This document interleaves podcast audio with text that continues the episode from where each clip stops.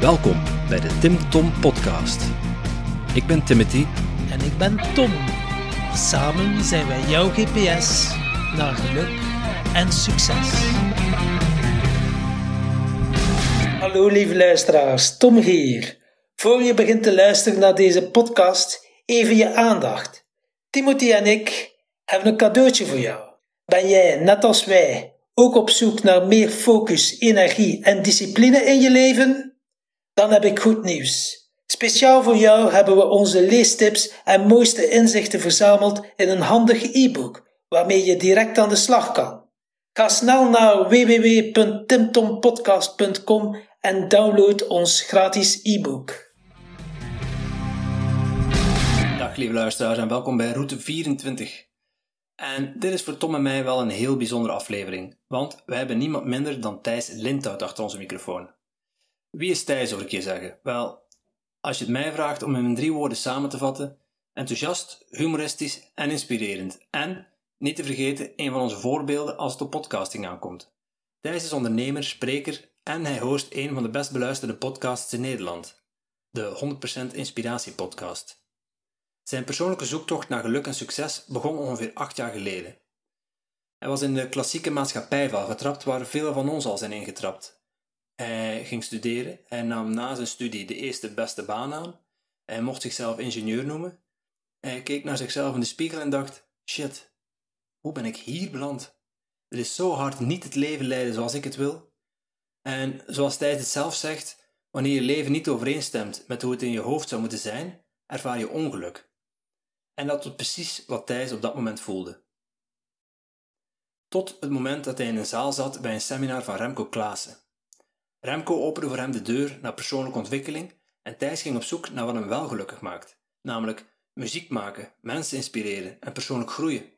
Hij stelde voor zichzelf een doel. Ik wil theaterzalen vullen en mensen inspireren met een inspirerende show over persoonlijke ontwikkeling. En met dat doel in zijn achterhoofd startte Thijs vier jaar geleden met een podcast waarin hij interessante mensen interviewt. Inmiddels mag hij zich na 180 afleveringen wel een geluksonderzoeker noemen. Hij schreef er zelfs een boek over. Hoe de fuck vind ik geluk? In deze podcast triggert Thijsje om je eigen geluksformule te creëren. En voor ik het vergeet, als aanvulling op zijn podcast heeft Thijs een premium platform opgericht vol met extra content. En speciaal voor de luisteraars van de Tim Tom podcast geeft Thijs een jaar lang toegang weg tot dit premium platform ter waarde van 240 euro. Wil je kans maken? Surf dan snel naar www.timtompodcast.com thijs en beantwoord twee inspirerende vragen. 1. Als alles zou kunnen, wat zou je dan het liefste doen? En 2. Wat houdt je tegen om dat te bereiken? Onder de leukste inzendingen verloten we een premium account. Dus ga nu maar even lekker zitten en geniet van een uur met 100% inspiratie. Veel luisterplezier. Nou Thijs, welkom uh, bij onze podcast. Ja, uh, uh, graag gedaan wou ik zeggen. Leuk dat ik welkom mag zijn. Ja, ja tweede keer, goede keer. Ja, Tweede, tweemaal scheepsrecht.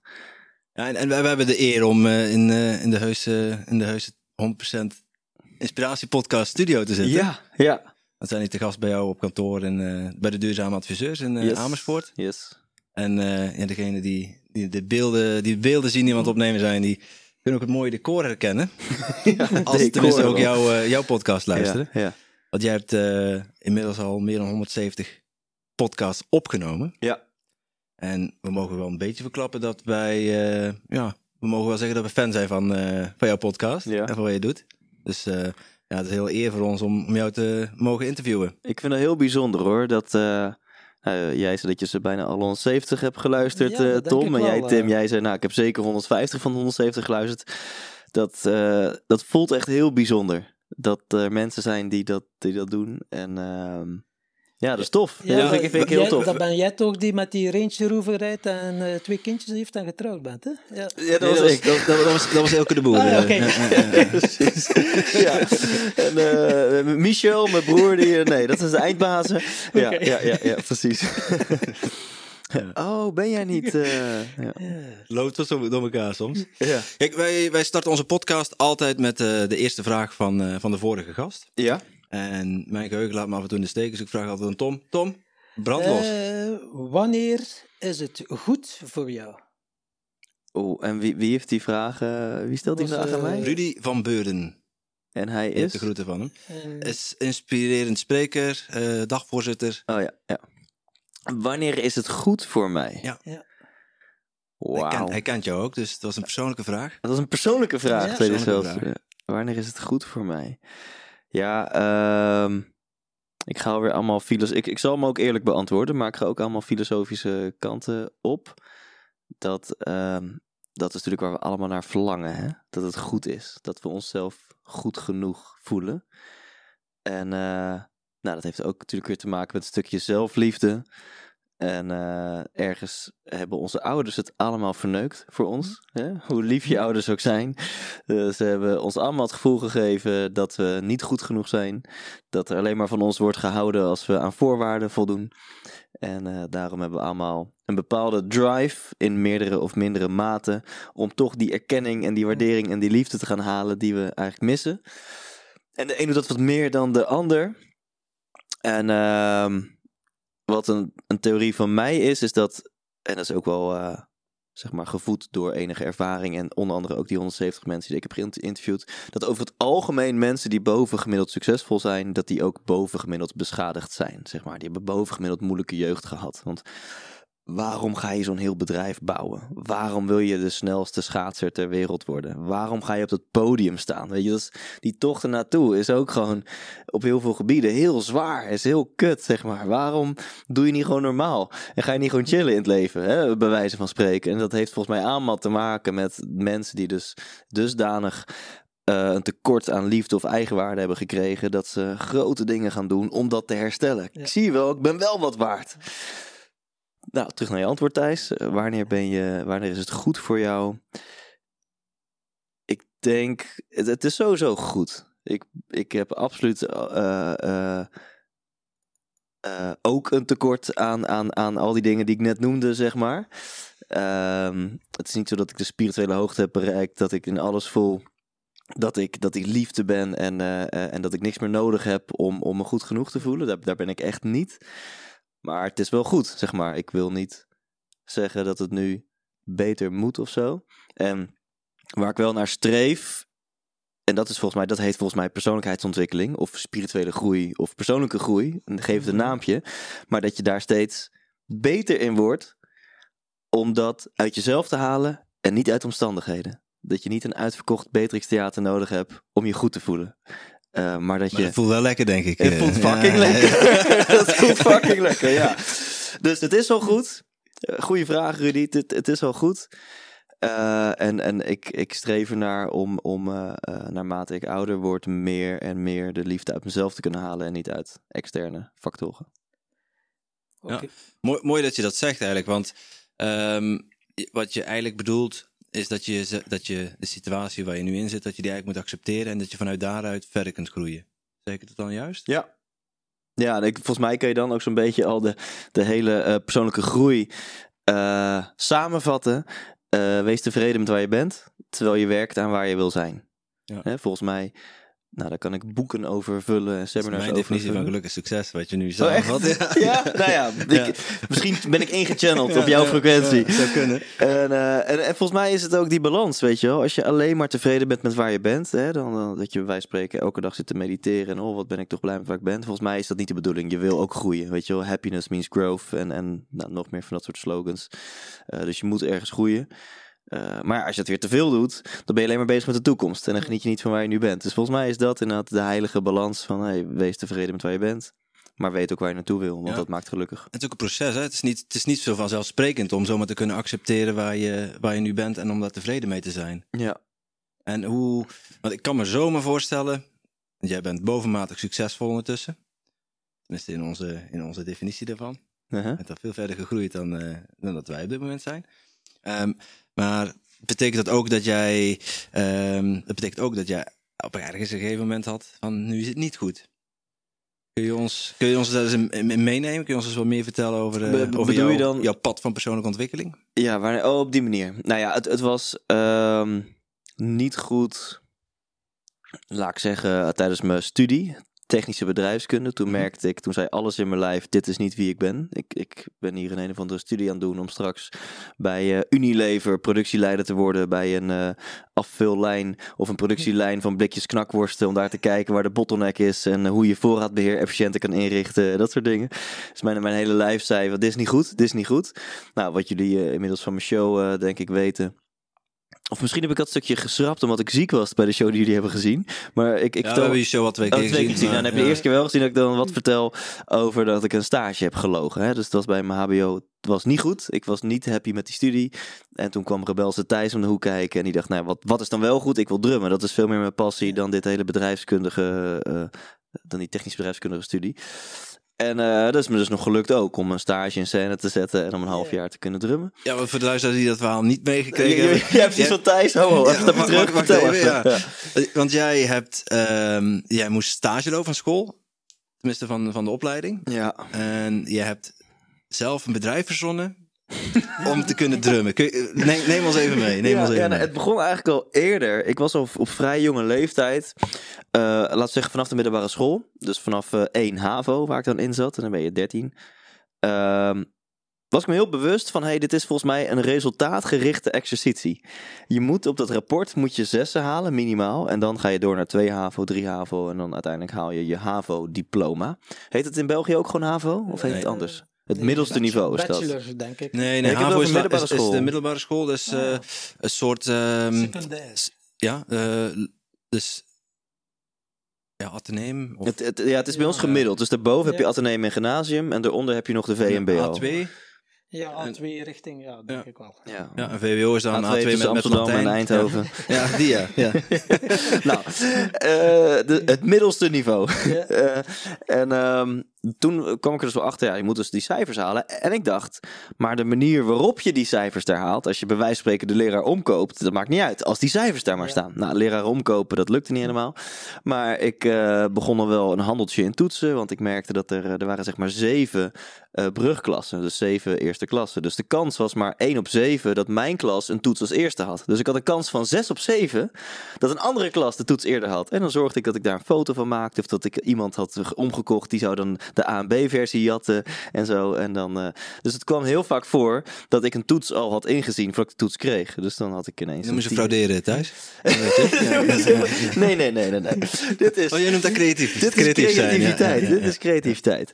En ehm, nou ja, ander trucje. Dat, wat, nou ja, ik ben hier iets te gepassioneerd over. Dus als het de verkeerde kant op gaat, moet je me afremmen. Maar eh, eh, ehm, bij mij mag je gewoon alles online zetten van wat ik zeg.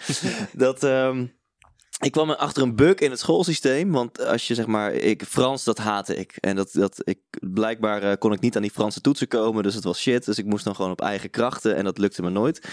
Eh, op eigen kracht die toets gaan halen. Dus wat ik besloot ik, dan ging ik spijbelen tijdens het toetsuur. Dus ik ging die dag gewoon naar school. Maar alleen dat uur dat we toets hadden, ging ik niet naar school.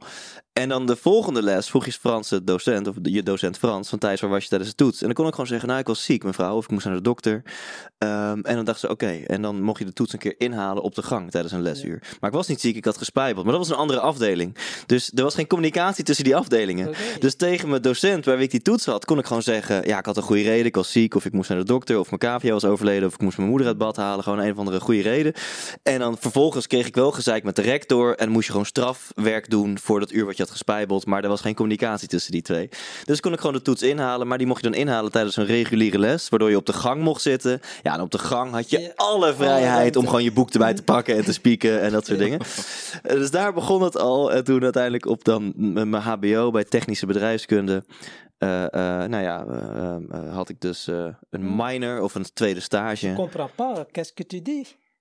Ja, nee, de, oh, je, ne com, je ne comprends pas, dat weet ik nog net. Dat is de enige zin, eh, je ne comprends pas. Hij heeft er wel iets van opgestoken, Ja, dat is de Ja, enige zin die ik weet. Ja.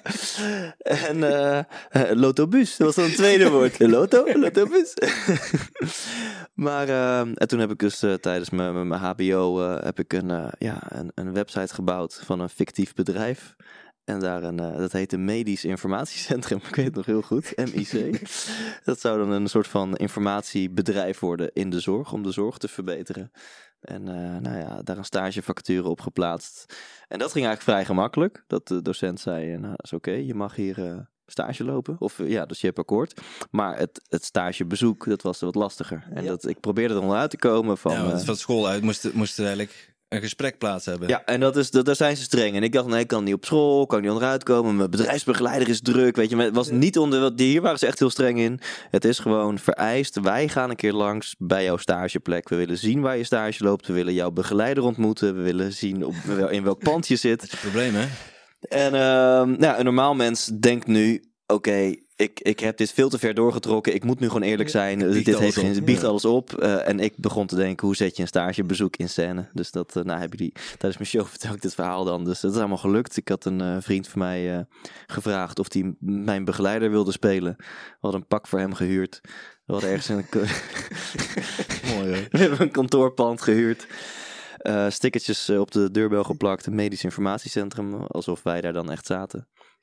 Schitterend. De ja. werkplek Ik over die creativiteit zou je al uh, cum laude, maar jij noemt het cum fraude. Ja, klopt. Ja. ja, en volgens mij, en nu een deel van de luisteraar denkt nu, what the fuck, die zijn een of andere fraudeur aan het interviewen. En die, die, ja. die, heeft nu gewoon zijn podcast uitgezet, of de popcorn vliegt door de kamer, of uh, weet ik veel wat. En een deel van de luisteraar denkt, oké, okay, dit is interessant, wat heeft die gast nog meer te vertellen? Nou, er was een doel, hè, waarom je dit, waarom je dit in scène hebt gezet. Ja, ja, oh, die, die, ja die, precies. Heel goed, want die vergeet ik aan te vertellen. Ik heb gewoon dus een half jaar lang zes uur per dag gedrumd. Ik wilde gewoon alleen maar drummen, drummen, drummen. Ik wilde van mijn passie mijn beroep maken. En ik dacht, hoe kan ik een half jaar lang zes uur per dag drummen? Nou ja, door uh, uh, niet stage te lopen. Ja, dan had je zee van tijd ja. om, om te drummen, om te doen wat je echt leuk vond. Um, en we kunnen eigenlijk wel zeggen dat je van je passie uiteindelijk je beroep hebt gemaakt. Want uh, jij gebruikt drummen ook in je shows. Ja, ja dat is wel met een kronkel ja. ben ik daar gekomen. En uh, ik denk nog steeds wel dat drummen mijn grootste passie is. En dat ik het zeg, twijfel ik ook, denk ik, ja, ook dat, dat hele, dat inspireren is natuurlijk ook een gigapassie van me. Uh, ja, dus die combinatie is, is super vet. Maar misschien is drummen nog wel de, de allergrootste passie. En dat is, uh, wat wel grappig is, Kensington is uh, nu een van de. Nou, dat is de grootste band van Nederland. By far. Als je gewoon mm. kijkt naar bezoekersaantallen. Ze verkopen Ziggo Dome uit. Zes, zeven dagen op rij. Ze hebben zelfs de Johan Cruijff Arena uitverkocht. 50.000 tickets. Uh, dus ze zijn by far de meest populaire Nederlandse band op dit moment. En in die tijd was Kensington gewoon nog een klein bandje. En zaten ze in het uh, bandjescircuit waar ik ook in zat met mijn bandjes. Oh, en uh, je was allemaal een beetje naar elkaar op aan het trekken. En je probeerde... Eén pot nat was het toen. Eén pot nat. En ik weet nog wel dat Kensington toen een nieuwe drummer zocht. En iemand gaf me toen het nummer van wat toen de zanger was, wat nu de gitarist is geworden. Ze hebben ge gewisseld, Casper en uh, Eloy. En toen dacht ik, ja, maar ik heb niet gebeld. Want ik dacht, weet je, ik zit al in drie bands. Ik spreid mijn winkansen al. Hmm.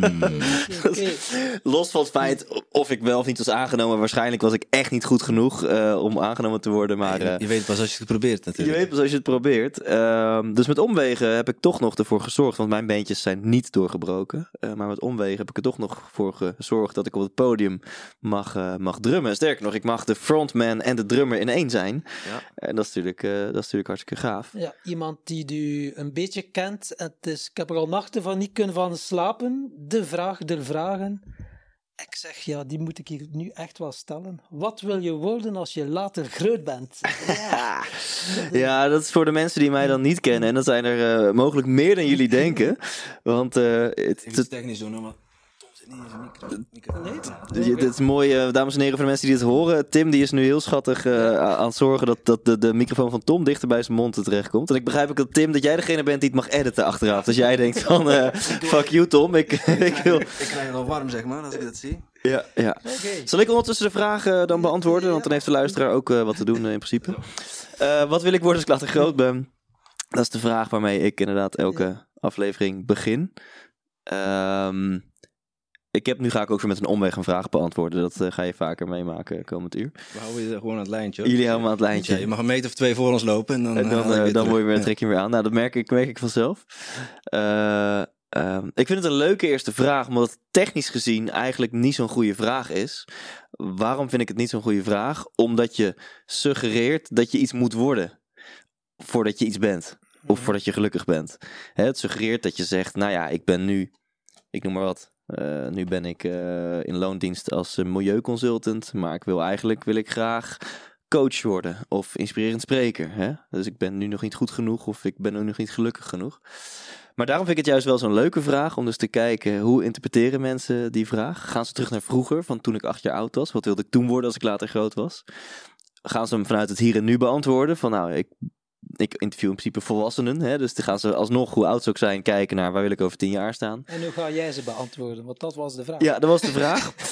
als ik hem op de niet-spirituele weg beantwoord, dus echt van wat wil ik nog, uh, uh, en dan doe ik mijn microfoon inderdaad even zo, hop, zo. Uh, als ik hem op de niet-spirituele manier beantwoord, dan wil ik graag een tour doen met mijn inspiratieshow, de, maar dan volgende versies daarvan. Hmm. door de, eigenlijk heb ik altijd in gedachten, ik wil graag 40, een tour doen van 40 shows in de grote zalen van de grote schouwburgen.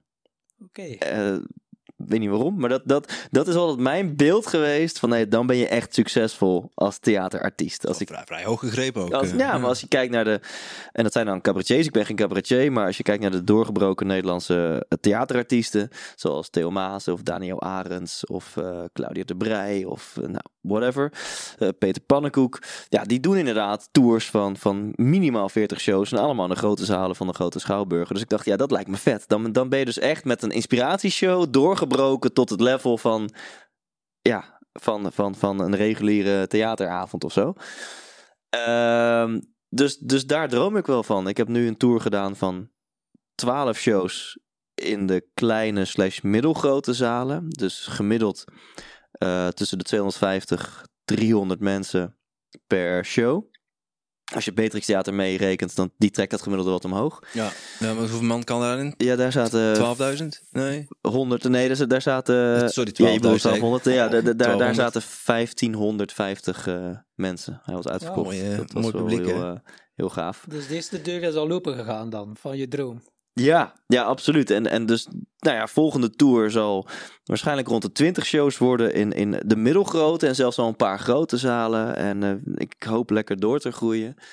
En is het de bedoeling dat je ook Vlaanderen meeneemt? Want je bent ook al één keer in Antwerpen geweest. Of staat dat niet op het programma? Ja, nu nog niet. Ik ben net één keer in Antwerpen geweest in een uh, uitverkocht? klein zaaltje, 120 man, maar wel uitverkocht. Daar waren we bij. Ja. En uh, oh, daar hebben wij elkaar voor het eerst gezien ja, ja, dan. Ja, klopt, ja. Uh, ik heb geen goed antwoord op je vraag. Ik heb nu een boeker wat heel luxe is. En eigenlijk is, is, is België niet meer ter sprake gekomen. Okay. En, uh, ik had wel het, de planning om naar Maastricht te gaan. Maar daar heb je of een zaal van 150. Dat vind ik dan weer te klein. Plus ik, ik drijf verlies als, ik, als er 150 mensen zitten. Daarvoor is mijn show te groot. Dan heb ik te veel productiekosten. Of een zaal van 750. En dat vonden we dan weer te tricky. Dat is uh, vrij veel. En uh, nu heb ik het over Maastricht. Maar hetzelfde zal nu denk ik gelden voor, voor Vlaanderen. Dus ik denk dat we nog even wachten tot we iets meer zekerheid hebben. Dat we ook daar 400 mensen in een zaal krijgen. Ja. Um, maar dat is dus mijn, mijn, mijn droom. En moet ik een aantal disclaimers bij plaatsen. De eerste disclaimer is dat het me niet zo uitmaakt hoe snel het gaat. Ik bedoel, I'm good. Ik ben echt meer dan tevreden. Het is op boven verwachting met hoe snel mijn groei gaat. Dat ik dus nu al die 12 provincietour heb gedaan. Heb mogen afsluiten in het Beatrix Theater. Dat gaat echt wel harder dan ik had verwacht. Uh, dus ik ben echt super happy. Dus of ik deze droom in het volgende theaterseizoen bereik. Of pas in 2030 dat maakt me niet zo heel erg veel Zonder uit. deadline. Je ja, ik ben gewoon blij met de progressie die ja. ik nu maak. Uh, dus dat is, dat is disclaimer 1. Disclaimer 2 is dat het niet... Ik maak mezelf niet wijs dat ik gelukkiger ga zijn als ik dat heb bereikt. Dus wat je daarin ook hoort, ik geniet dus gewoon van de tocht daar naartoe. En uh, dus dat helpt wel als je 170 mensen hebt geïnterviewd die allemaal die fouten hebben voor je hebben gemaakt. Uh, dat dat na een tijdje wel gaat landen. Van het, het is een cliché, maar het is echt fucking waar. Het gaat echt om de weg daar naartoe. Ja, vergeet niet te genieten. Het is zo leeg aan de andere kant van een doel. Hè? De, mm-hmm. de, dag na het behalen van je doel is het leven ineens zo leeg. Is het, is het zo zonde als je daar weken, maanden of jaren naartoe hebt geleefd met pijn en moeite. Ja. En vervolgens heb je één avondje, of even gechargeerd gezegd, het is natuurlijk wel iets, iets genuanceerder, maar vervolgens heb je één avondje heb je dat doel behaald. En dan ineens ervaar je.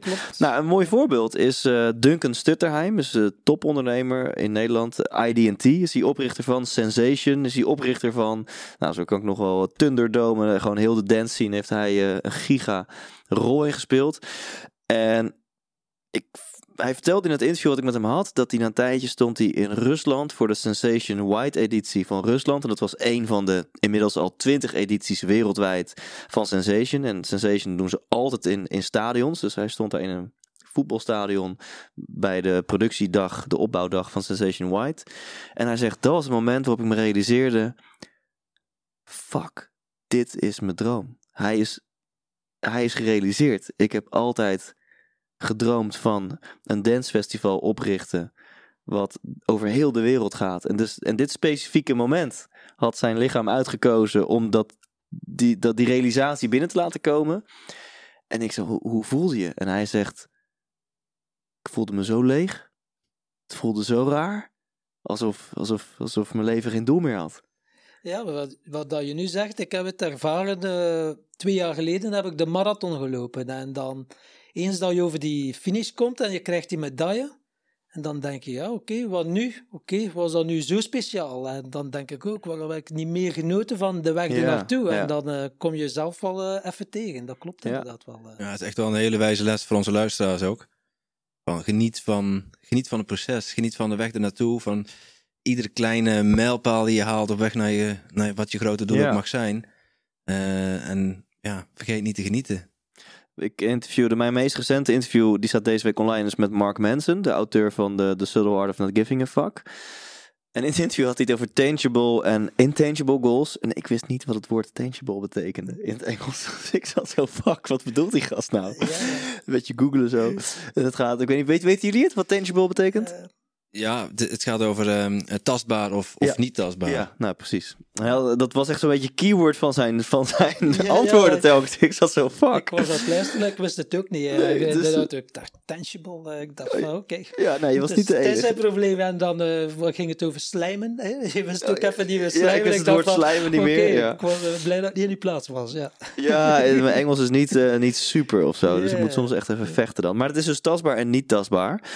En, en dat is het. Er is niks mis met tastbare doelen. En een tastbaar doel hoeft niet per se een auto of een huis te zijn, wat je letterlijk kan, kan vastpakken. Maar een tastbaar doel is ook: ik wil 10.000 boeken verkopen. Ik wil zoveel streams op mijn podcast. Ik wil zoveel tickets voor mijn theatershow. Dat is ook een dat is ook categorie tastbaar doel.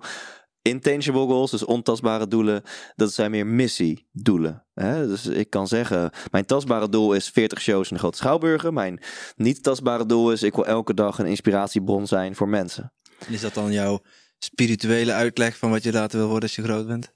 Je zei net van ik heb een concrete oh, jij zit nog spirituele. Bij de Wat goed, wat goed. Nou, daar, daar, kom ik dan zo ook nog op hierna. Ja. Okay. En, en als we het hebben over genieten van het proces, dan is het dus heel belangrijk dat je er bewust van bent van wat is jouw niet tastbare doel. En dan zou je kunnen zeggen wat is je purpose, wat is je mission. Dat vind ik soms iets te zware termen, maar vind iets waar jouw hartje sneller van gaat kloppen. En dat moet dan iets zijn wat niet te meten is. Hè? Dus als het voor mij is elke dag mensen inspireren, dat is in principe niet te meten. Maar dan kan ik dus elke dag kan ik dat doen. Dat ben ik nu aan het doen met de opname van deze podcast. Dat kan ik doen door, uh, door mijn Instagram-account, door een mailing te sturen naar mijn lijst. Dat doe ik met mijn eigen podcast. Dat kan ik ook gewoon doen in een één op één gesprek.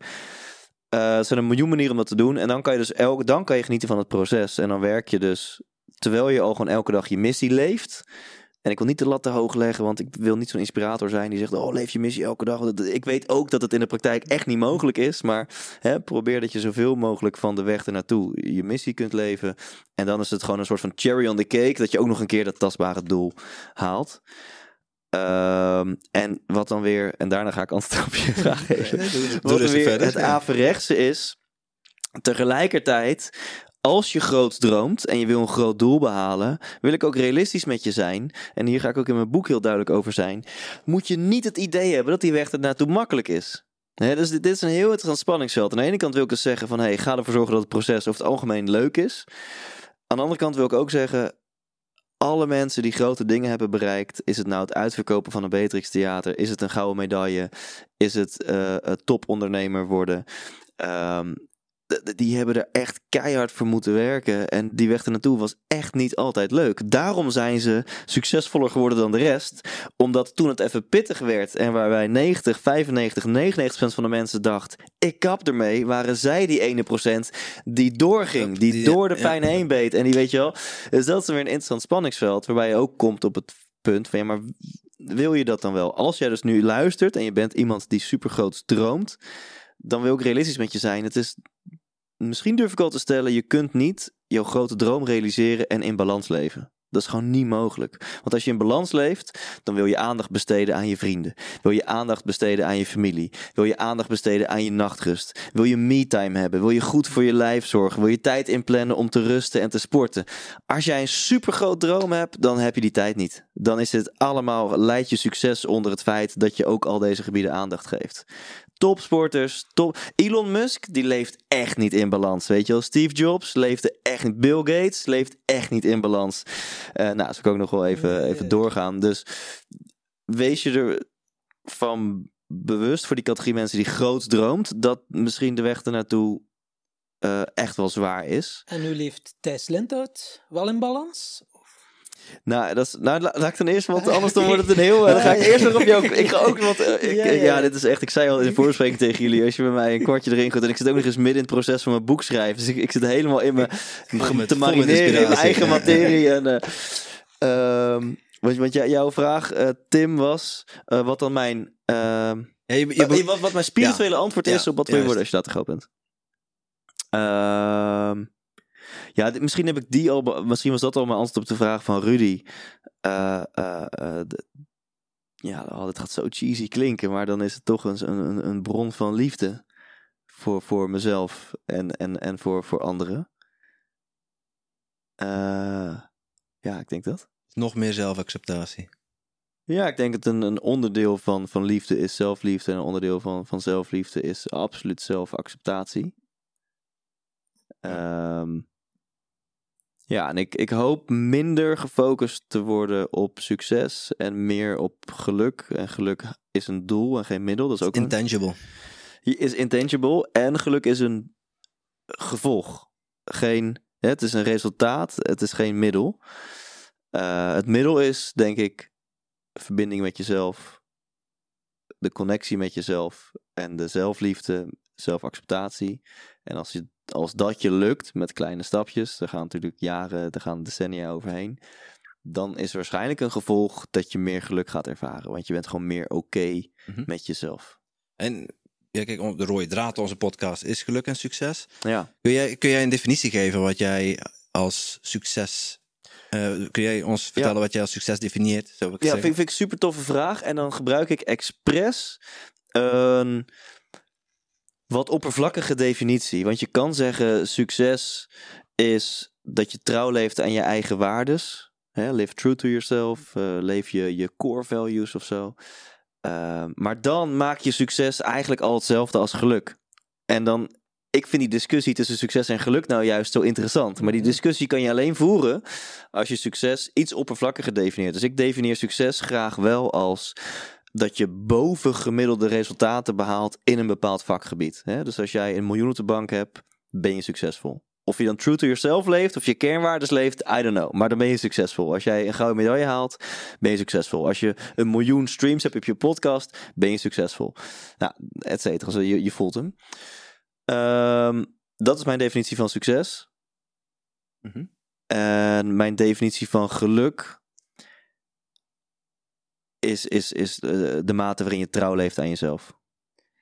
En nu dat je het over geluk hebt, hoe moeten we jou aanzien? Ik volg u al de tijd. Ben je nu geluksexpert, geluksgoeroe of geluksonderzoeker?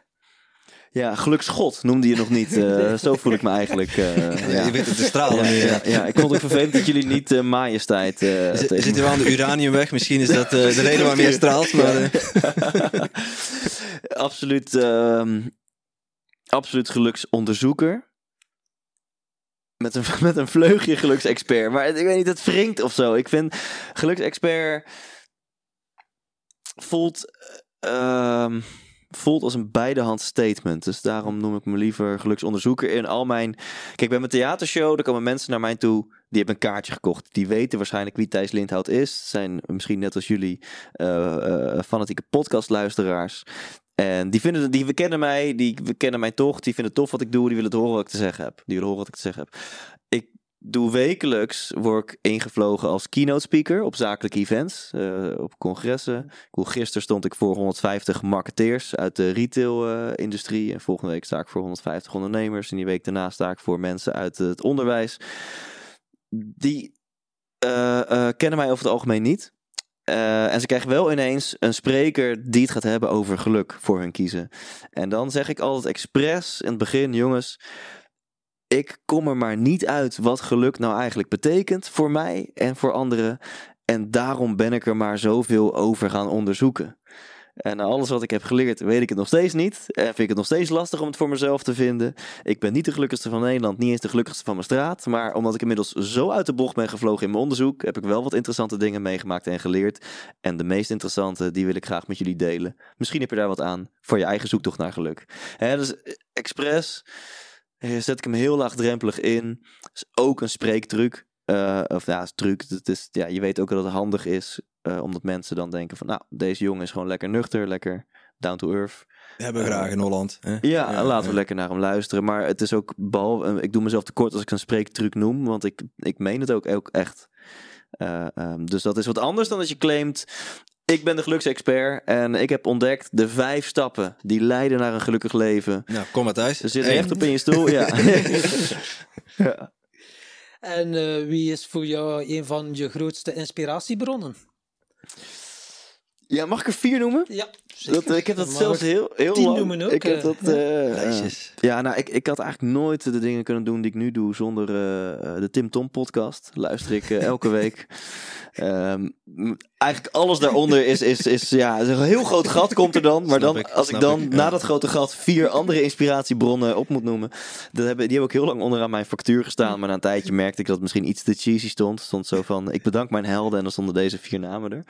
En een, een aantal weten jullie, een aantal is misschien nieuw. Nou, jullie zijn zulke groepjes, jullie kennen ze waarschijnlijk alle vier. Haar eerste is Tony Robbins. Uh, nou, voor de luisteraar die hem niet kent, is letterlijk en figuurlijk de grootste inspirator ter wereld. Uh, ja, tienduizenden mensen per keer. Ja, ja. Uh, hij heeft gerust uh, 10.000 mensen in zijn zaal en events van vier dagen lang. Bizar succes. Bizarre experience. Als je, als je, heb je, zijn jullie er wel eens geweest? Nee, nog niet. Nee. Nou, dan zeg ik het tegen jullie en tegen de luisteraar. Als je eens de kans hebt om daarheen te gaan, het is relatief goedkoop. Ik bedoel, in de zakelijke wereld is het heel normaal dat een, een, een cursus of een seminar, dat het ongeveer 1000 euro per dag kost. Remco Klaassen doet de essentie van leiderschap. Die duurt drie dagen, die kost 3000 euro, ex-BTW. Uh, je kan naar Tony Robbins vier dagen lang voor 1000 euro. Als je er vroeg bij bent. Koop je. Moet je wel nog even je vliegticket en je hotel. Maar dat is in 250 euro per seminardag. Ja, misschien maak ik het nu te, te, te simpel. Maar toen ik mijn ticket daarvoor kocht, uh, was ik ook gewoon in loondienst. En ik verdiende niet zoveel. Maar ik had gewoon zes maanden wat geld aan de kant gelegd. En toen ging ik voor het eerst naar Tony Robbins. Dus als je luistert en als jullie het tof vinden. Het echt, het is, er valt ook kritiek op te leveren. Maar het is een fucking vette experience. Ja, dat vergeet je voor de rest van je leven niet meer. Je bent dan zo'n gekkie die hem al 37 keer gezien heeft. Over, ja, ik, ik, ik, ik ben er inderdaad uh, elf keer dan uh, ben ik daar geweest. uh, zie daar ook mijn drive of zo. Dan als ik iets doe, doe ik het weer extreem. Dus Tony Robbins, ja, wat heb ik van hem geleerd? Eigenlijk... Um, dat je, het, dat je het zo groot kan maken. Hij heeft me echt die succes mindset geleerd. Die ook destructief kan zijn. Hè? Ik heb, ben ook in een burn-out beland. Dus ik, ik heb ook te hard willen werken voor succes. Maar hij heeft me echt die mindset geleerd van het is allemaal jij. En het zijn jouw keuzes. En als je grip kan krijgen op hoe jij over jezelf denkt. Als je fucking groot durft te dromen. Als je jezelf elke dag in een staat van zijn duwt. Van ik ben fucking unstoppable. There's always a way. Weet je, als jij dat altijd tegen jezelf zegt. Van nee is gewoon geen geaccepteerd antwoord. I don't take no for an answer. Uh, uh, ik kan alles aan. En ik ga 100% voor mijn droom. En ook al heeft niemand dat ooit gerealiseerd. Dan zo ik de eer. Weet je wel, nou, je voelt me helemaal. Die, ja, ja, die mindset die heeft hij gewoon zo, zo erin gebrand. Het is heel Amerikaans zo. Maar het komt op neer van Koop gast. Het is, uh, het is, jouw leven, jij moet het doen. Ja, ja. absoluut. En, en daarom valt er natuurlijk ook echt wel wat van te vinden. Dat je, dat je denkt, oeh, dit is misschien niet voor iedereen uh, de juiste boodschap. Of het is misschien niet het totale plaatje. Hè? Want er zijn ook nog andere factoren van toepassing. Nou, de tweede uh, is Remco Klaassen. Die zit eigenlijk nog daarvoor. Dat is mijn eerste held geworden. Remco Klaassen heeft bij mij het zaadje geplant. Van hey Thijs, sukkel. Je bent nu 23 en je bent fulltime adviseur, consultant in CO2-reductieplannen. Heb je zelf wel eens nagedacht uh, over waar je naartoe? Ik had dan wel natuurlijk dat drummen en zo, maar ik had het eigenlijk nooit doorgezet. Dus ik had nooit echt hele bewuste keuzes gemaakt voor, uh, voor in welke kant mijn leven op zou gaan. Uh, dus hij echt gewoon persoonlijke ontwikkeling 101 leerde ik van hem. Hey, je kan ook ontdekken waar jij energie van krijgt. Je kan een plan opstellen om daar te gaan komen. En je kan vervolgens het plan uit gaan voeren. en ga eens experimenteren. Je hebt geen controle, maar ga eens experimenteren met de invloed die jij hebt. Weet je wel? Nou, dat leerde ik van Remco Klaassen. Uh, de derde, Taylor Swift. Absoluut Taylor Swift. Bijzondere, bijzondere keuze. Ja. Bijzondere keuze. Nou, ze heeft nu dus een documentaire Miss Americana op, op Netflix. Hebben jullie die gezien? Is vet, moet je kijken. Ik, ik, heb geen Netflix. Ik heb dus, ja. ineens. Nou, nou, ja, heb je, hoor je goed, luisteraars? Ik heb geen Netflix. Oh mijn god. Heb ik luister liever een leven. Ik, nee, want ik luister alleen maar naar podcasts. Ik heb geen leven meer. Nou, als je een keer bij iemand bent die Netflix heeft, is dit wel. Want dit is leerzaam, die documentaire. Miss, America. Miss Americana, Ik heb- Miss ja. Americana. En eh, ik krijg nu ineens heel veel begrip van mensen die al tien jaar lang weten dat ik Taylor Swift fan ben.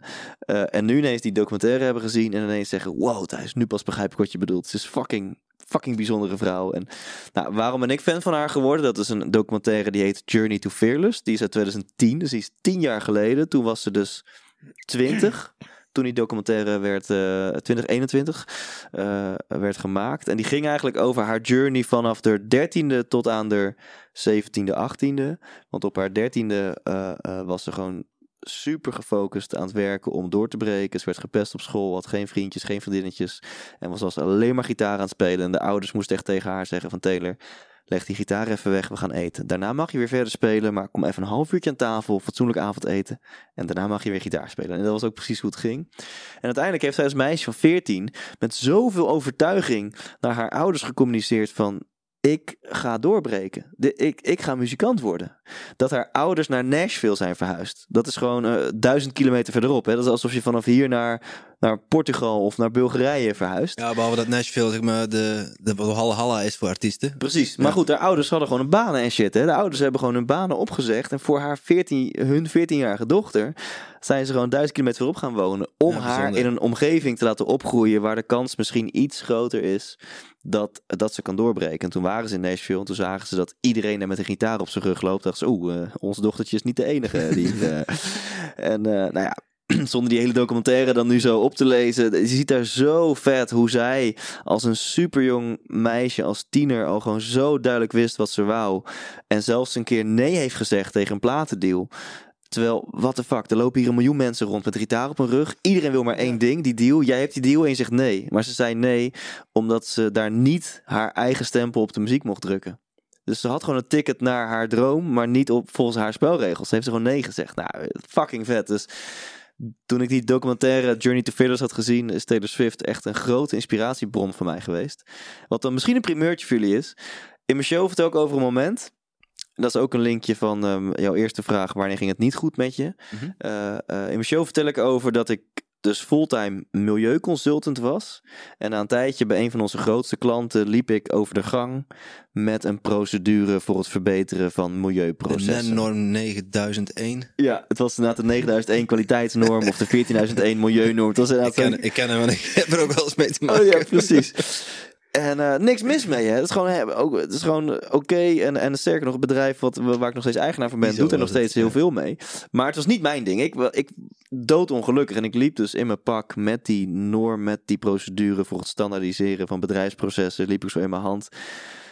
En, eh, en toen voelde ik me super. Ineens, dat sloeg ook eh, eh, in uit het niets. Ineens rolde er bijna een traan over mijn wangen. Dacht ik, wat de fuck man. Je, je was toch die gast die, die, die avontuur wilde, die wilde drummen, die het podium, weet je, wat, wat, wat, wat is er gebeurd man? Je hebt gewoon nu een pak aan en je bent een kantoording aan. Dit is gewoon zo niet, weet je dat bijna, dat je ziel moet huilen van dit is niet wie je bent.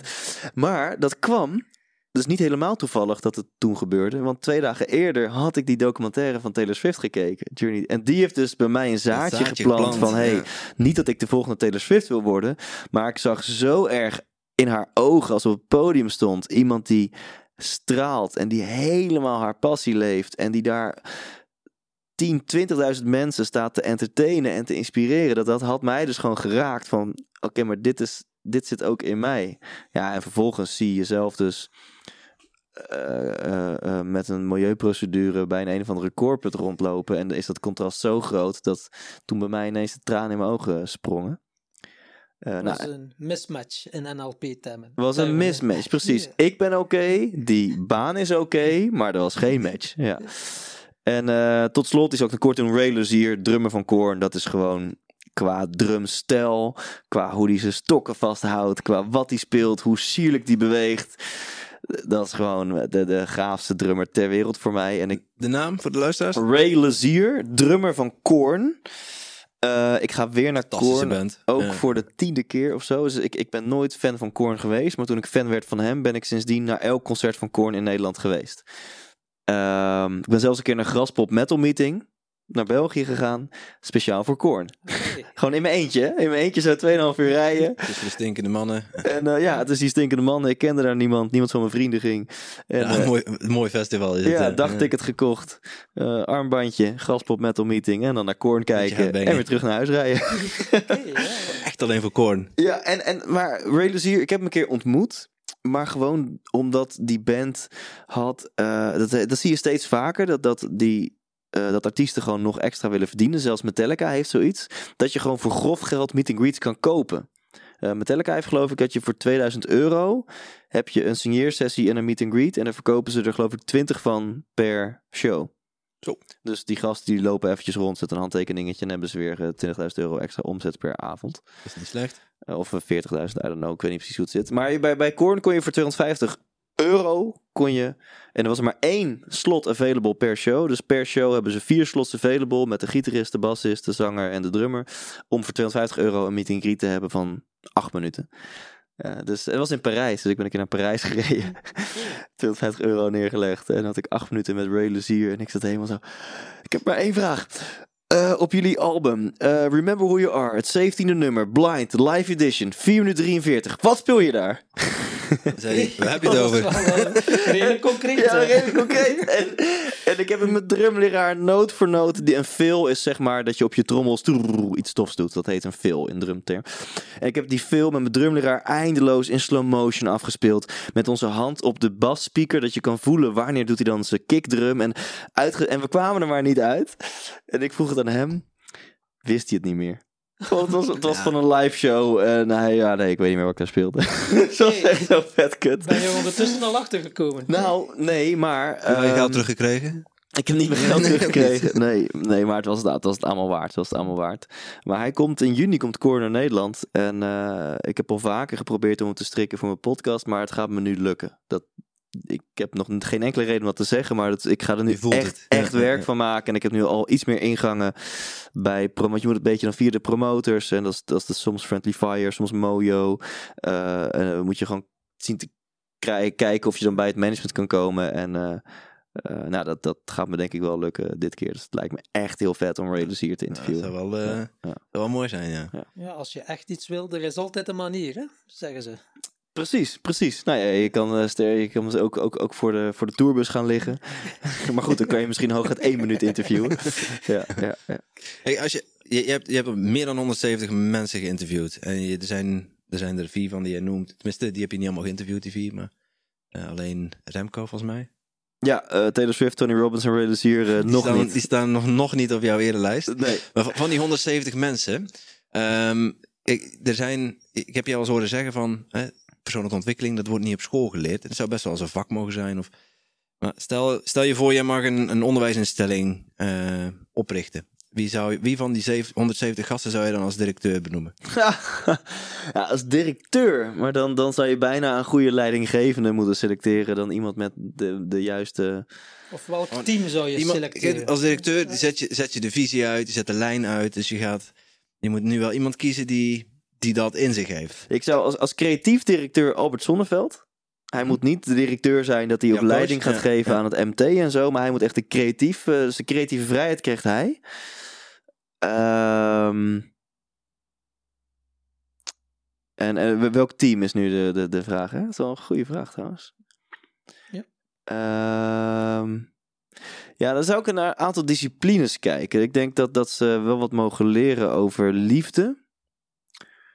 Ehm dus ik te denken aan Jan Geurts. Alhoewel, dat is natuurlijk ook wel heel diep meteen. Dat is redelijk stevig. Dus eh, ik, stevige qua, liefde zou ik ze laten kijken naar tapes van... eh Komt het, luisteraars? ja, Paris Hilton? YouPorn. eh, nee, eh, tapes van, van Relationship Mastery eh, van Tony Robbins. Dat geeft hij nu niet meer. Maar vroeger had hij een seminar waarin hij eigenlijk alleen maar interventies deed met stelletjes. En daar heb je allemaal live tapes van. En zo'n interventie duurt gerust drie kwartier. Dus als het gaat om liefde zou ik ze naar live tapes kijken, laten kijken van, van, van eh, Love Mastery of zo, Relationship Mastery van Tony de kinderen Robbins. die in het Engels niet machtig zijn, wat heb je als alternatief? Ondertitels misschien, ja. Ondertitels dan, ja. ja, ja, of, kom je best doen tijdens Engelse les. Ja, ja, want ja. precies. Ja. En dan, ik zou ze... ehm, Sport eh, door Pieter van de Hoogband. Die wordt dan hun gymleraar. Oké. En eh, een Geef gezo- hem L- LO voor de, Oh, eh, ja. voor de Belgische luisteraars. Lichamelijke opvoeding. Oh ja, mooi, mooi. Ik zou ze eh, voeding en eh, eh, ja, een vitaliteit laten geven door Richard de Let. Ja. Ehm, dan zou ik ze, om ze ook gewoon, hè, om ze niet meteen het spirituele op te gooien, maar om ze gewoon heel praktisch te leren in, in hoe werkt mijn energiehuishouding. Hè, waar krijg ik energie van? Eh, dat zou ik laten geven door eh, Remco Klaassen. Oké. En eh, nou, laat ik er nog eentje noemen. Wat, welke discipline? Ja, financieel is natuurlijk ook wel een dingetje. Nee, nee de- de- de- het college, hoe ga ik om met tegenslagen? Die zou ik, ja, denk ik wel laten geven door Wouter Duinersveld. Dat is een man die eh, heeft een donorhart. En eh, ja, dit is gewoon verschrikkelijk. Die, die, die weet dat hij geen bijzonder lange levensverwachting heeft. Ja, terwijl hij dat, terwijl ja. die dik in het leven staat, een gezin heeft en, eh, en geniet van het leven. Maar het is gewoon, eh, hij heeft niet zo lang meer. En hoe die daarmee omgaat is waanzinnig. Die gast is, is een van de gelukkigste misschien wel die ik, eh, die ik heb geïnterviewd. Weet je, die zit dat zo vol in het leven. Ehm, en ehm, ja, ik zit te denken, heb ik iemand geïnterviewd die, die echt iets, iets heeft genoemd over eh, financieel succes. Ik heb wel eens een trader geïnterviewd. Nou, als ik suggestie mag geven, dan zou succes van, van een onderneming hangt toch vaak samen met, eh, met marketing. Ja. En dan vind ik Jos Burger wel een mooie. Wat mooi. Ja, en nou, ik zou ze dan eh, tot slot, ik zou ze ondernemerschap, ook een, een vak wordt ook ondernemerschap.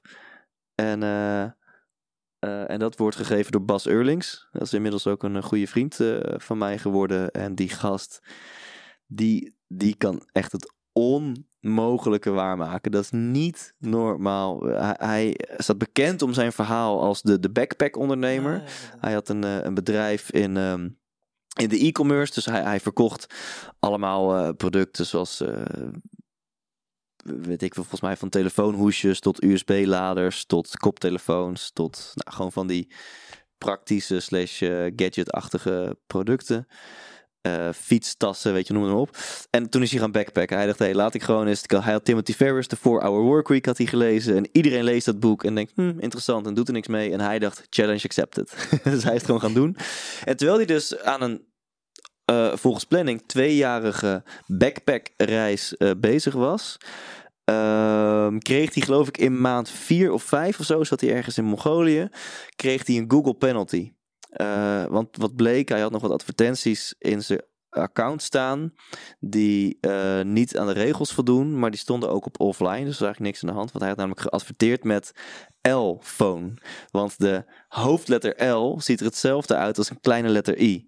Of andersom. Ah, in ieder geval, hij had dus zo een andere letter gebruikt, maar waardoor je dus kon adverteren met iPhone hoesjes. Maar dat mag eigenlijk niet. Dus hij adverteerde met L-phone hoesjes, wat er hetzelfde uitziet, zoiets. Uh, dat mag niet. Dus Google had hem een waarschuwing gegeven. Toen heeft hij al die advertenties op onzichtbaar gezet.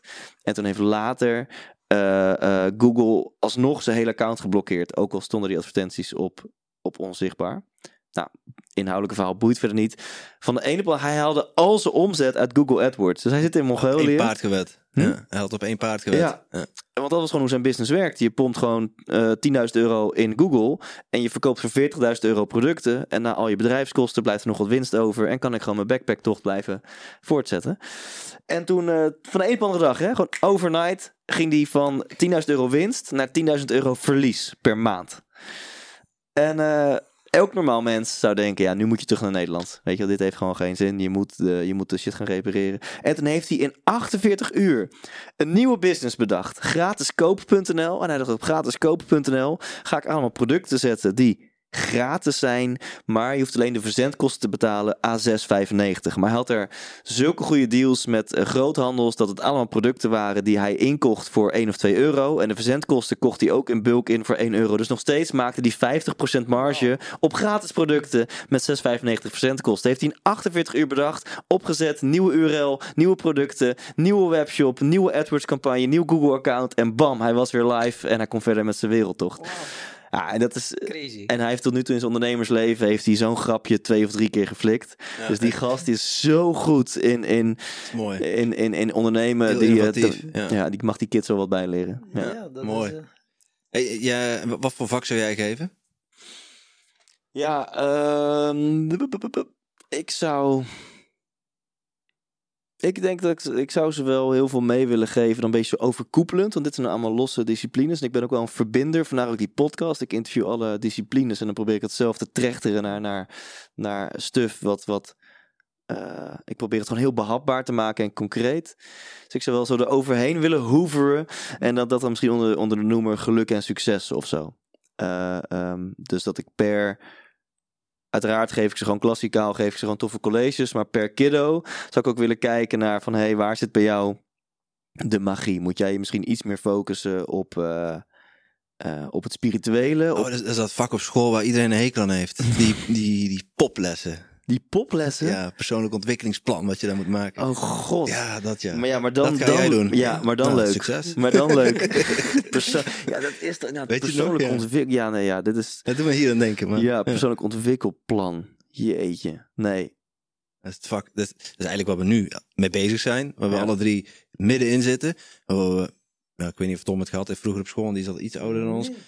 Ik had er een gruwelijke hekel aan. Ja. Ja, maar ik zit, terwijl je het zegt, denk ik inderdaad, hoe, wat, wat gaat er dan fout? Hoe komt het dat ik altijd inderdaad bij Dus hoe zou je dat en poplessen dat ik echt dood wilde. En dat ik vervolgens 60 uur in een seminar zat van vier dagen lang. Wat alleen maar ging over persoonlijke ontwikkeling en het fantastisch vond. Ja. Maar hoe oud was je toen je En naar dat- de seminar ging? Ik denk dat leeftijd, het seminar ging ik inderdaad de 23ste heen. Ik denk dat leeftijd een rol speelt. Ik denk, je moet het niet... Het kan wel een energiedingetje zijn, hè? De vibes die vol- je dan voelt. Volgens mij vindt elk kindje, of je nou zes bent of 16, het leuk om de vraag te beantwoorden: hey, waar krijg je energie van? Weet je, ik geef je hier een pen en papier. Schrijf eens op. Bij, bij welke activiteiten heb je zoiets van: oh, dit is leuk. Weet je, is het voetballen met je vriendjes? Is dat. eh, je mag alles zijn. Eh, waar krijg je energie van? Waar ligt jouw passie? Waar, waar gaat je hart sneller van kloppen? Wat vind je leuk om te doen? Weet je wel? Zoals Remco zou zeggen, waarvan ga je kwispelen? Waarvoor ga je kwispelen? En, en, en, en laten we het dan eens iets specifieker maken. Als je mag dromen en alles kan, wat zou je dan willen doen over 10 jaar? Weet je, wel? over 20 jaar? Oké, oké, en, eh, tof. Nou, is dat realistisch? En dan kunnen we daar een plannetje voor maken. En kan je dat misschien nu al doen? Je kan nu nog geen straaljagerpiloot zijn, maar misschien kan je wel bepaalde facetten van straaljagerpiloot al ervaren. En kan je misschien kijken op de kazerne of je een keer mag kijken naar die straaljager. Weet ik veel wat, weet je. Nu wordt het toch vet? Dus, dus volgens mij, als je het in een vetter jasje giet, eh, kan je er echt wel iets, eh, iets tofs mee. Ja, dus jij zou het wat leuker, toegankelijker maken? Eh, te met, ja, je, je soort persoonlijk ontwikkelingsplan dan, hè? Ja. Eh, hoe, zou, hoe zou je dat aanpakken? Eh, Nou ja, het- dan, dan, dan, dan bezoek ik mezelf weer in een hoekje. Wat, wat ook weer is, ik ben geen coach. En dat is in elk geval niet waar, me, waar mijn kracht ligt. En ook niet waar ik heel veel energie van krijg. Dus als ik, ik zou dan het liefst die colleges geven. Waarin ik gewoon hele vette colleges ga geven. Die gaan over het spanningsveld tussen geluk en succes. Dus waar we het net ook kort over hadden. Ik vind het heel tof om dan met die kids te delen van... Hey, wat is nou geluk en hoe kunnen we naar verschillende definities van geluk kijken. En ik wil jou uitnodigen om voor jezelf te bepalen wat jouw definitie van geluk is. En laat ook eens kijken naar succes. En vinden jullie Rico Verhoeven succesvol? Oh ja, succes. Weet je wel. Nou, laten we eens kijken hoe Rico leeft, weet je wel. Vind je dat succesvol, hoe hij dan leeft, hoe hij zijn dagen inleeft, indeelt. En dus dat lijkt me heel leuk. Beetje aan mijn theatershow, om dan ook dan dat praktische en spirituele met ze door te nemen. Dus laat mij maar die vette shows neerzetten. En dan mag een ander docent mag per kiddootje daar, uh, daar echt iets iets okay, persoonlijks van maken. Ja, ja, en uh, het is hier allemaal goed nieuws show. Hè? Het klinkt allemaal goed, maar hoe gaat Thijs om met tegenslagen? Ja, ja, ja, dat is een goede, goede vraag. Ik kan daar niet altijd even goed mee omgaan hoor. Ik uh, heb recentelijk nog op mijn telefoon heb ik altijd dat ik naar mezelf uh, spraakberichtjes inspreek als ik inspiratie heb. En dat kan gewoon zelfcoaching zijn, maar kan ook dan dat er meteen iets bij zit dat ik denk, oh, dit is voor mijn boek of dit is voor mijn show. En uh, van de week sprak ik nog in naar mezelf van Thijs. Problemen, mede geïnspireerd door Mark Manson, problemen horen bij het leven. En ik heb nog te vaak op onbewust niveau de blueprint, dus de, het beeld van het leven, van mijn leven, dat het probleemloos moet zijn. Maar wat ik dan weer van Tony Robbins heb geleerd en wat waar is, wanneer jouw leven, hoe dat is, niet matcht met hoe jij in je hoofd denkt dat het leven zou moeten zijn, ervaar je ongeluk. Van hé, hey, er is een gat tussen mijn blueprint, hè, dus mijn, uh, hoe zeg je dat in het Engels in een mooie zin? Uh, nou, weet ik even niet. Maar in elk geval dat jouw, jouw, jouw, jouw de, de situatie van jouw leven niet matcht niet met hoe je denkt dat het leven zou moeten zijn. En als jij dus denkt dat het leven probleemloos moet zijn, ja, dan ga je heel vaak dan gaat er heel vaak een gat zijn tussen hoe jij denkt dat het leven zou moeten zijn en hoe het leven is. Want problemen horen bij het leven, weet je. Dus heb ik, heb ik nog naar mezelf opgenomen dit van, hé hey, Thijs, dat is zo interessant. Dus als er een probleem op je pad komt en je hebt die regel, denk je meteen, shit, dit hoort niet. En uh, wat ben ik een loser en, uh, en ga je ongelukkig voelen. En zeg Terwijl... je dan niet probleem of uitdaging? Andere woordkeuze? Nee, niet, niet, niet zozeer als NLP is, maar niet zozeer andere woordkeuze. Meer andere overtuiging. Als jij de overtuiging hebt, problemen horen bij het leven. En er komt een probleem op je pad, denk je, ah, yes. to be expected. weet je wel. Had ik, dit had ik kunnen verwachten. Ja, had ik nodig misschien. Ja, had ik misschien nodig, weet je wel. En dat is... Uh, dus, dus, dus dat, dat, is al, dat helpt al heel erg. Dus ik, ben nu, ik zit in een proces om die overtuiging te tweaken van mijn leven zou probleemloos moeten zijn naar problemen horen bij het leven. Weet je, ik voel me nu niet happy met het huis waar ik woon. Uh, en moet ik mezelf niet gaan wijsmaken als ik straks verhuisd ben, dat ik, dan is dat probleem opgelost en dan komt er een nieuw probleem. Weet je ook, ik niet wat, maar er komt wel weer iets nieuws. En als je dat dan niet, als je dan die overtuiging niet hebt dat problemen bij het leven horen, ben je weer, ja, ben je wel weer even vet teleurgesteld. Um, dus dat, dat ben ik nu aan het trainen in mijn, in mijn mindset. En uh, um, en heb je concrete tips voor onze luisteraars? Hoe train je zoiets? Je hebt wel een, ook een beetje NLP-achtergrond. Ja. maar ik heb ook al ervaren, ben nu ook NLP'er. Oké, die oefeningetjes zijn één ding, maar in de praktijk brengen en ze dan effectief die mindset veranderen, is toch nog iets anders. Hè? ja, en daar wil ik gewoon realistisch in zijn. Dat is heel moeilijk als het überhaupt al lukt. Dus het, het, het is moeilijk, het duurt heel lang en met een beetje pech lukt het niet. Uh, waar anderen zeggen, uh, doe even een whoosh pattern. Nou, dat NLP is, mag je vergeten. Maar, of, of, of, of, of doe, een, doe een affirmatie. Of doe een schrijfoefening. Of ga onder hypnose. en dan is jouw overtuiging, is je mindset aangepast. Ik, ik denk daar wat anders over, in mijn ogen wat realistischer over. Het is heel makkelijk om in te zien, oeh, ik, ik denk nu X en ik wil graag Y denken. Mijn overtuiging is nu X, maar ik wil dat mijn overtuiging Y is. Uh, uh, ik wil mijn values aanpassen. Ik merk nu dat ik heel erg gedreven word door erkenning, aandacht en waardering. Maar ik wil graag gedreven worden door liefde, vriendschap en verbinding. Maar af en toe komt die ego-aap om de hoek kijken. hey, ik wil ook aandacht. Ja, precies. Dus het is heel makkelijk om op papier aan live design te doen. In de praktijk eh, is het sowieso moeilijk en lukt het heel moeizaam en traag of lukt het niet. Uh, en dat, dat zeg ik expres zo stellig, omdat zelfhulp vaak een averechts effect kan hebben.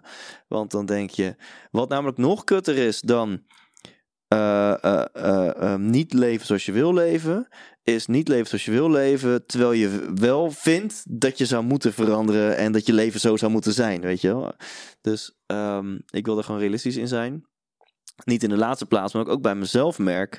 Wat ik net noemde is een autobiografisch voorbeeld. Ik ben al zeker tien jaar bezig met vak. Als ik kijk naar wie ik echt ben of wie ik wil zijn, wil ik gedreven worden door liefde, vriendschap en verbinding. Als ik kijk naar mijn gedrag, word ik veel meer gedreven door succes, aandacht en, uh, en waardering. Uh, en ik merk echt dat ik zelf in de afgelopen tien jaar, en ik doe vrij veel aan persoonlijke ontwikkeling, met masterminds, met coaches, met podcasts, met boeken, met seminars, merk ik echt dat ik millimeter stapjes zeg maar heb, heb, heb gezet. Uh, en ik ben super blij met die, met die stap. Ik merk echt dat vriendschappen, die hebben echt nu een zo'n uh, grotere rol in mijn leven dan dat ze afgelopen tien jaar hebben gehad. Dat ik daar echt tijd voor vrij maak. Dat, dat, dat klinkt heel hard, maar op onbewust niveau zag ik het een beetje als tijdverspilling. Want het leidt af van je succes doet, weet je wel. En daar heb ik echt een shift in gemaakt. Daar ben ik super blij om. En dan die mini-stapjes die je dan zet. Uh, als je dan toch drie concrete tips zou mogen geven, welke zijn die ja, dan? Ja, ja, ja goeie, hele goede vraag. Ehm Eén is absoluut bewustwording. Dat wordt als onderschat. Dus, alleen al hier bewust van zijn, dat helpt al enorm. dus ik ben me bewust van het feit dat ik me. Uh, uh, dat ik nu als overtuiging heb problemen. Mijn leven moet probleemloos zijn. Dat is mijn overtuiging. Uh, en ik wil eigenlijk graag de overtuiging hebben: problemen horen bij het leven. Sterker nog, problemen maken gelukkig. Want zonder problemen heb ik niks om aan te pakken, heb ik niks om, om, om, om te geven. En dan is het leven eigenlijk zinloos. Dus, hey, één, bewustwording. Uh, dat dat helpt al echt enorm. Want je kan, je kan niet meer terug. Zodra je ergens bewust van bent, is, dat kan je niet meer uitzetten. Dus je gaat vanaf dat moment, ga je jezelf ineens betrappen. Dus dat is één. Twee, een hele concrete is schrijven. Dat werkt voor mij. Misschien werkt Journaling? Het, ja, dat kan journaling zijn, maar gewoon schrijven en maak je eigen spelregels. Dankbaar voor zijn, of is het een mission statement? Of, uh... nee, nou, jullie noemen, ik zal dan ook die van mij noemen. Dat het, we het bekende tips zijn, ga elke avond uh, uh, een paar dingen opschrijven waar je dankbaar voor bent.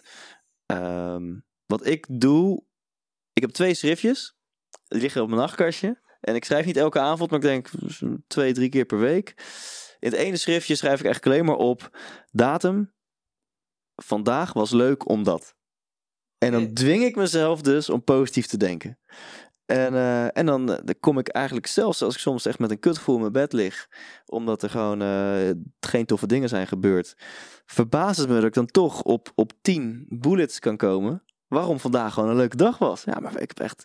Ja, dat kan ook zijn dat kopje koffie vanochtend. Ik zat zo op mijn trap, een beetje mijn Instagram te checken met, met mijn bulletproof koffie. Man, was echt een geniet, genotmomentje eigenlijk, weet je. Bam, schrijf je die op. En uh, oh ja, ik, heb, uh, ik had wel uh, papa gebeld op de weg naar mijn werk. En nou, het was wel heel fijn om papa even te spreken. Die weet je wel.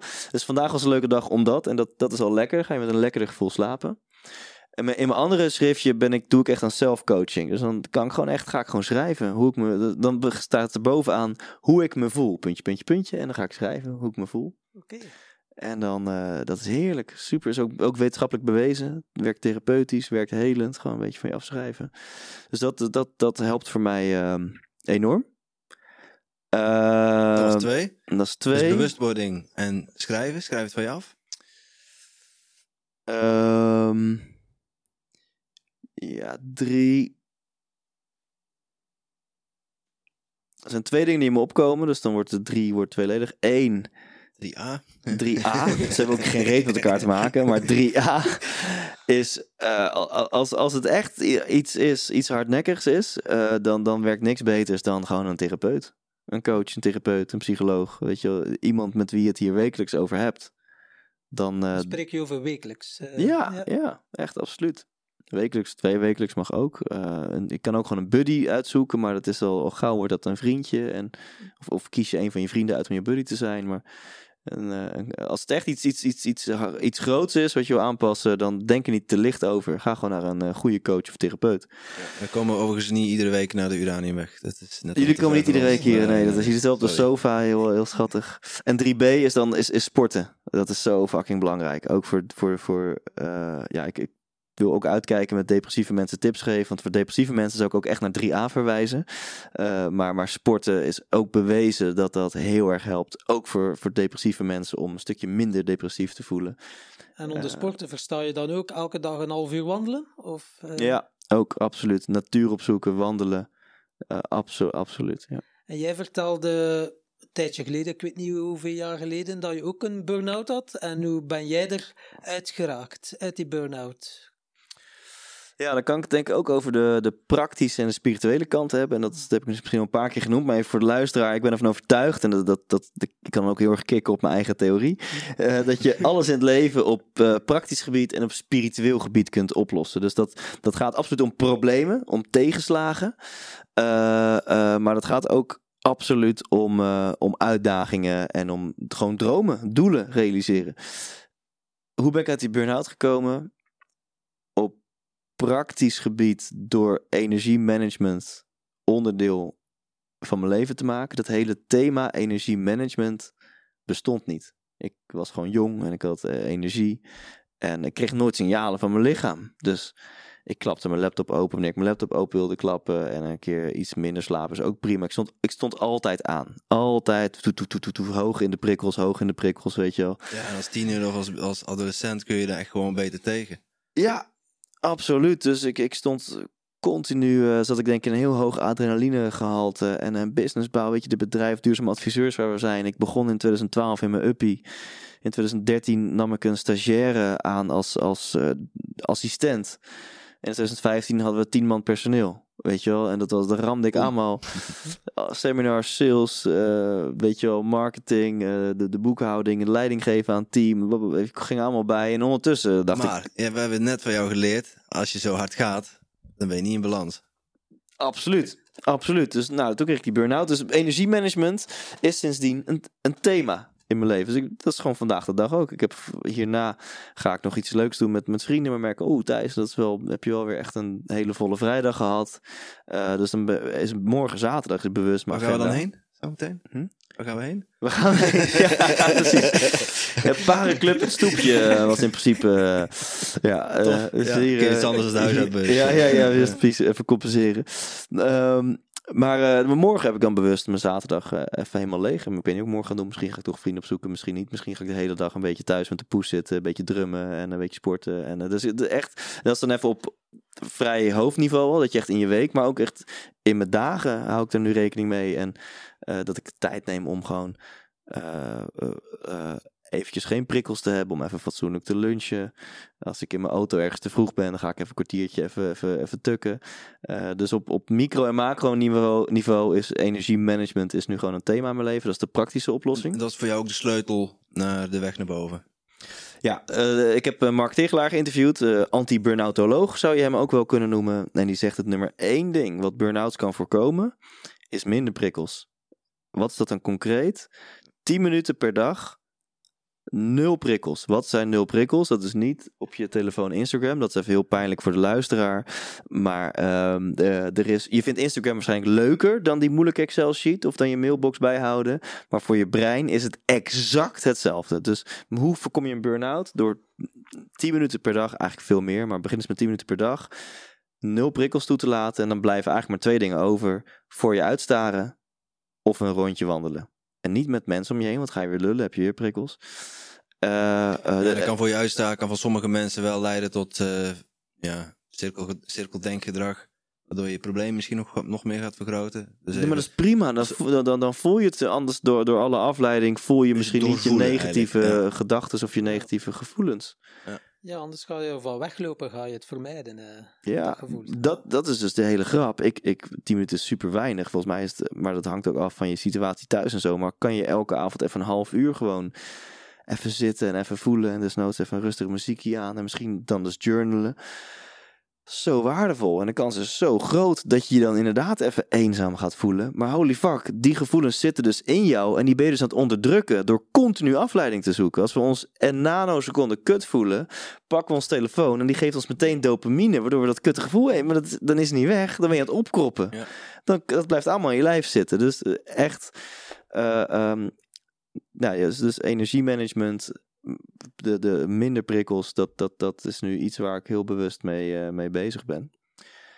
En op spiritueel niveau uh, uh, zie ik in, er zijn een aantal dingen, maar dan, dan, dan en dat, uiteindelijk is alles te herleiden naar je jeugd. Uh, maar zag ik in dat ik aan het smijten was. En dat is nog steeds een gevaar van me met mijn verantwoordelijkheid. Ik me overal verantwoordelijk voel en allemaal dingen naar me toe trek. En iedereen wil helpen en een onwijze pleaser ben. Omdat ik eigenlijk ergens vind dat ik er niet mag zijn. Uh, behalve als ik andere mensen help. Dus ik moet een functie vervullen, anders ben ik niet goed genoeg. En dan ga je overal te doen, en overal, overal voel je verantwoordelijk voor. En overal wil je de redder zijn en de, en de pleaser en de hulper. Ja, dat, dat is gewoon veel te veel. Uh, dus dat op spiritueel niveau ben ik echt, ja, uh, ja, ik zou bijna willen zeggen dat, dat, dat, je, dat, je, dat ik steeds meer begin te zeggen van, hé hey Thijs, maar jij mag er gewoon zijn. En jij mag gewoon ook aangeven waar jij behoefte aan hebt. En andere mensen willen ook gewoon graag voor jou werken. Uh, je, je hoeft niet alles te doen, zeg maar. En dat is ook, ook interessant. En om heel kort, en ik wil ook meer over vertellen hoor, maar ook qua tijd en zo. Vroeger was mijn gezinsleven niet top en ik was daar heel erg de redder. Dus ik was heel erg de mediator. Dus ik ben al heel snel, echt wel vanaf dat ik gewoon heel klein was, ben ik geprogrammeerd als in, hey, als ik gewoon zorg dat de sfeer wordt gered, dan vervul ik een functie en dan ben ik goed genoeg.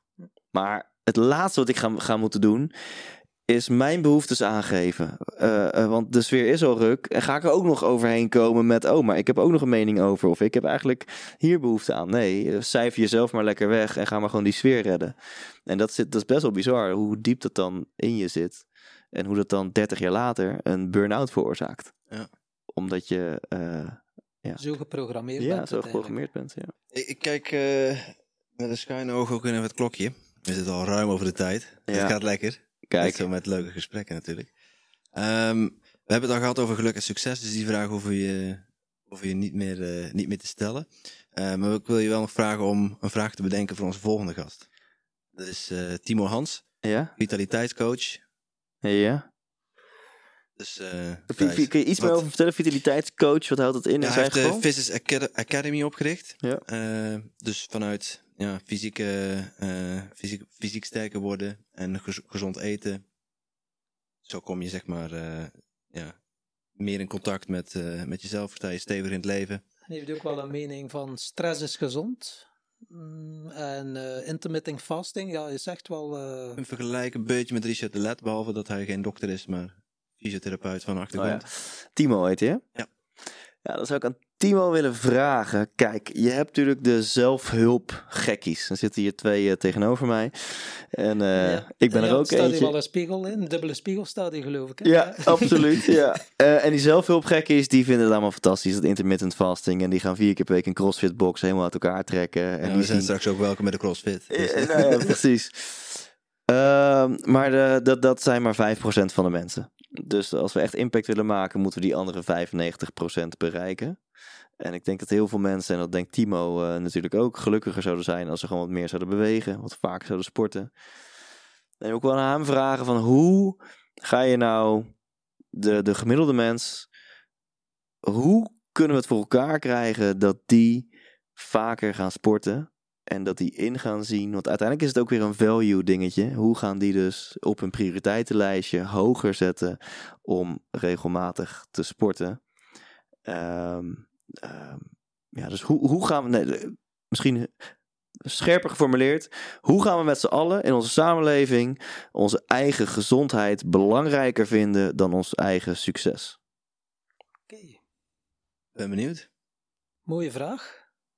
Dankjewel. Dankjewel. Ja, even laten landen. Yes. Ja. Het zit erop, Thijs. Bedankt. You're welcome. Graag gedaan. Ja, fantastisch. Cool. En ik zou zeggen, uh, geniet van je avondje met de vrienden. Ja, ga ik doen. Ik moet eerst nog vier intro's, outros inspreken voor de 100% Inspiratie podcast. Oké. Okay. Uh, we moeten nog even vragen. Ja. Waar, waar ze... Bijna vergeten.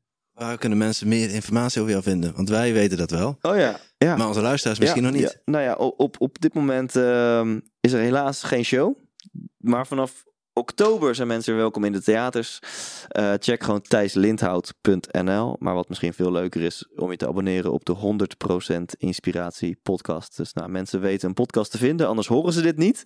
Denk ik uh, ook. Dus in jouw uh, App Store, iTunes, Android, dikvol ding, typ gewoon Spotify, typ gewoon in 100% Inspiratie. En dan vind je mijn podcast met 170 episodes. Ik denk nu spontaan, jij werkt ook meestal met een weggeefactie. Is er zoiets dat jij kan weggeven voor onze luisteraars? Ik hoorde www.timtompodcast.com slash afleveringen slash Thijs. of gewoon slash Thijs. Ja, ja, ja. En Nou ik ja, hoorde en dan- Ben Tegelaar, die gaf al 200 boeken weg, of wat was het? Niet normaal, 100 boeken gaf hij weg. Ehm, ja, ik kan dan wel gewoon. ehm, ja, wat kan ik weggeven? Ik heb nu niks, maar dat is precies waarom eh, mijn ondernemershart aan het kloppen is. En ik ga binnenkort een community lanceren voor, voor, nou, voor mensen die dat willen. En ik heb in mijn auto nog allemaal oude flyers liggen van de Homs Inspiratieshow. Die kan ik signeren, maar er zit niemand op te wachten. ik heb ook nog geen Thijs Lindhout be- dekbed overtrek. Eh, maar m- is ook gewoon een, een, een jaarabonnement voor mijn eh, community dan eh, verloten. Die, die wordt in april gelanceerd. Ah ja, de Ja? podcast is voor juni, denk ik. Dus komt heel goed uit. Top. Nou, dat is ter waarde van eh 240 euro. Want het is eh, 20 Wauw. euro Mooi per cadeautje. maand. En dan krijg je gewoon een jaar lang ben je podcast premium lid van mij. Wauw. Ja, Ja. Met extra content, extra eh, extra's. En, extra exclusiviteit. Dus je wo- wordt uitgenodigd voor, voor, voor dingen waar andere mensen niet voor uitgenodigd worden. En je krijgt informatie die andere mensen niet krijgen. En je krijgt tips die andere mensen niet krijgen. En je hoort bij de community. En we gaan echt hele toffe dingen met elkaar doen. Ehm, dus eh, check dat. Ja. Mooi, dankjewel. Dankjewel. Cool, graag gedaan.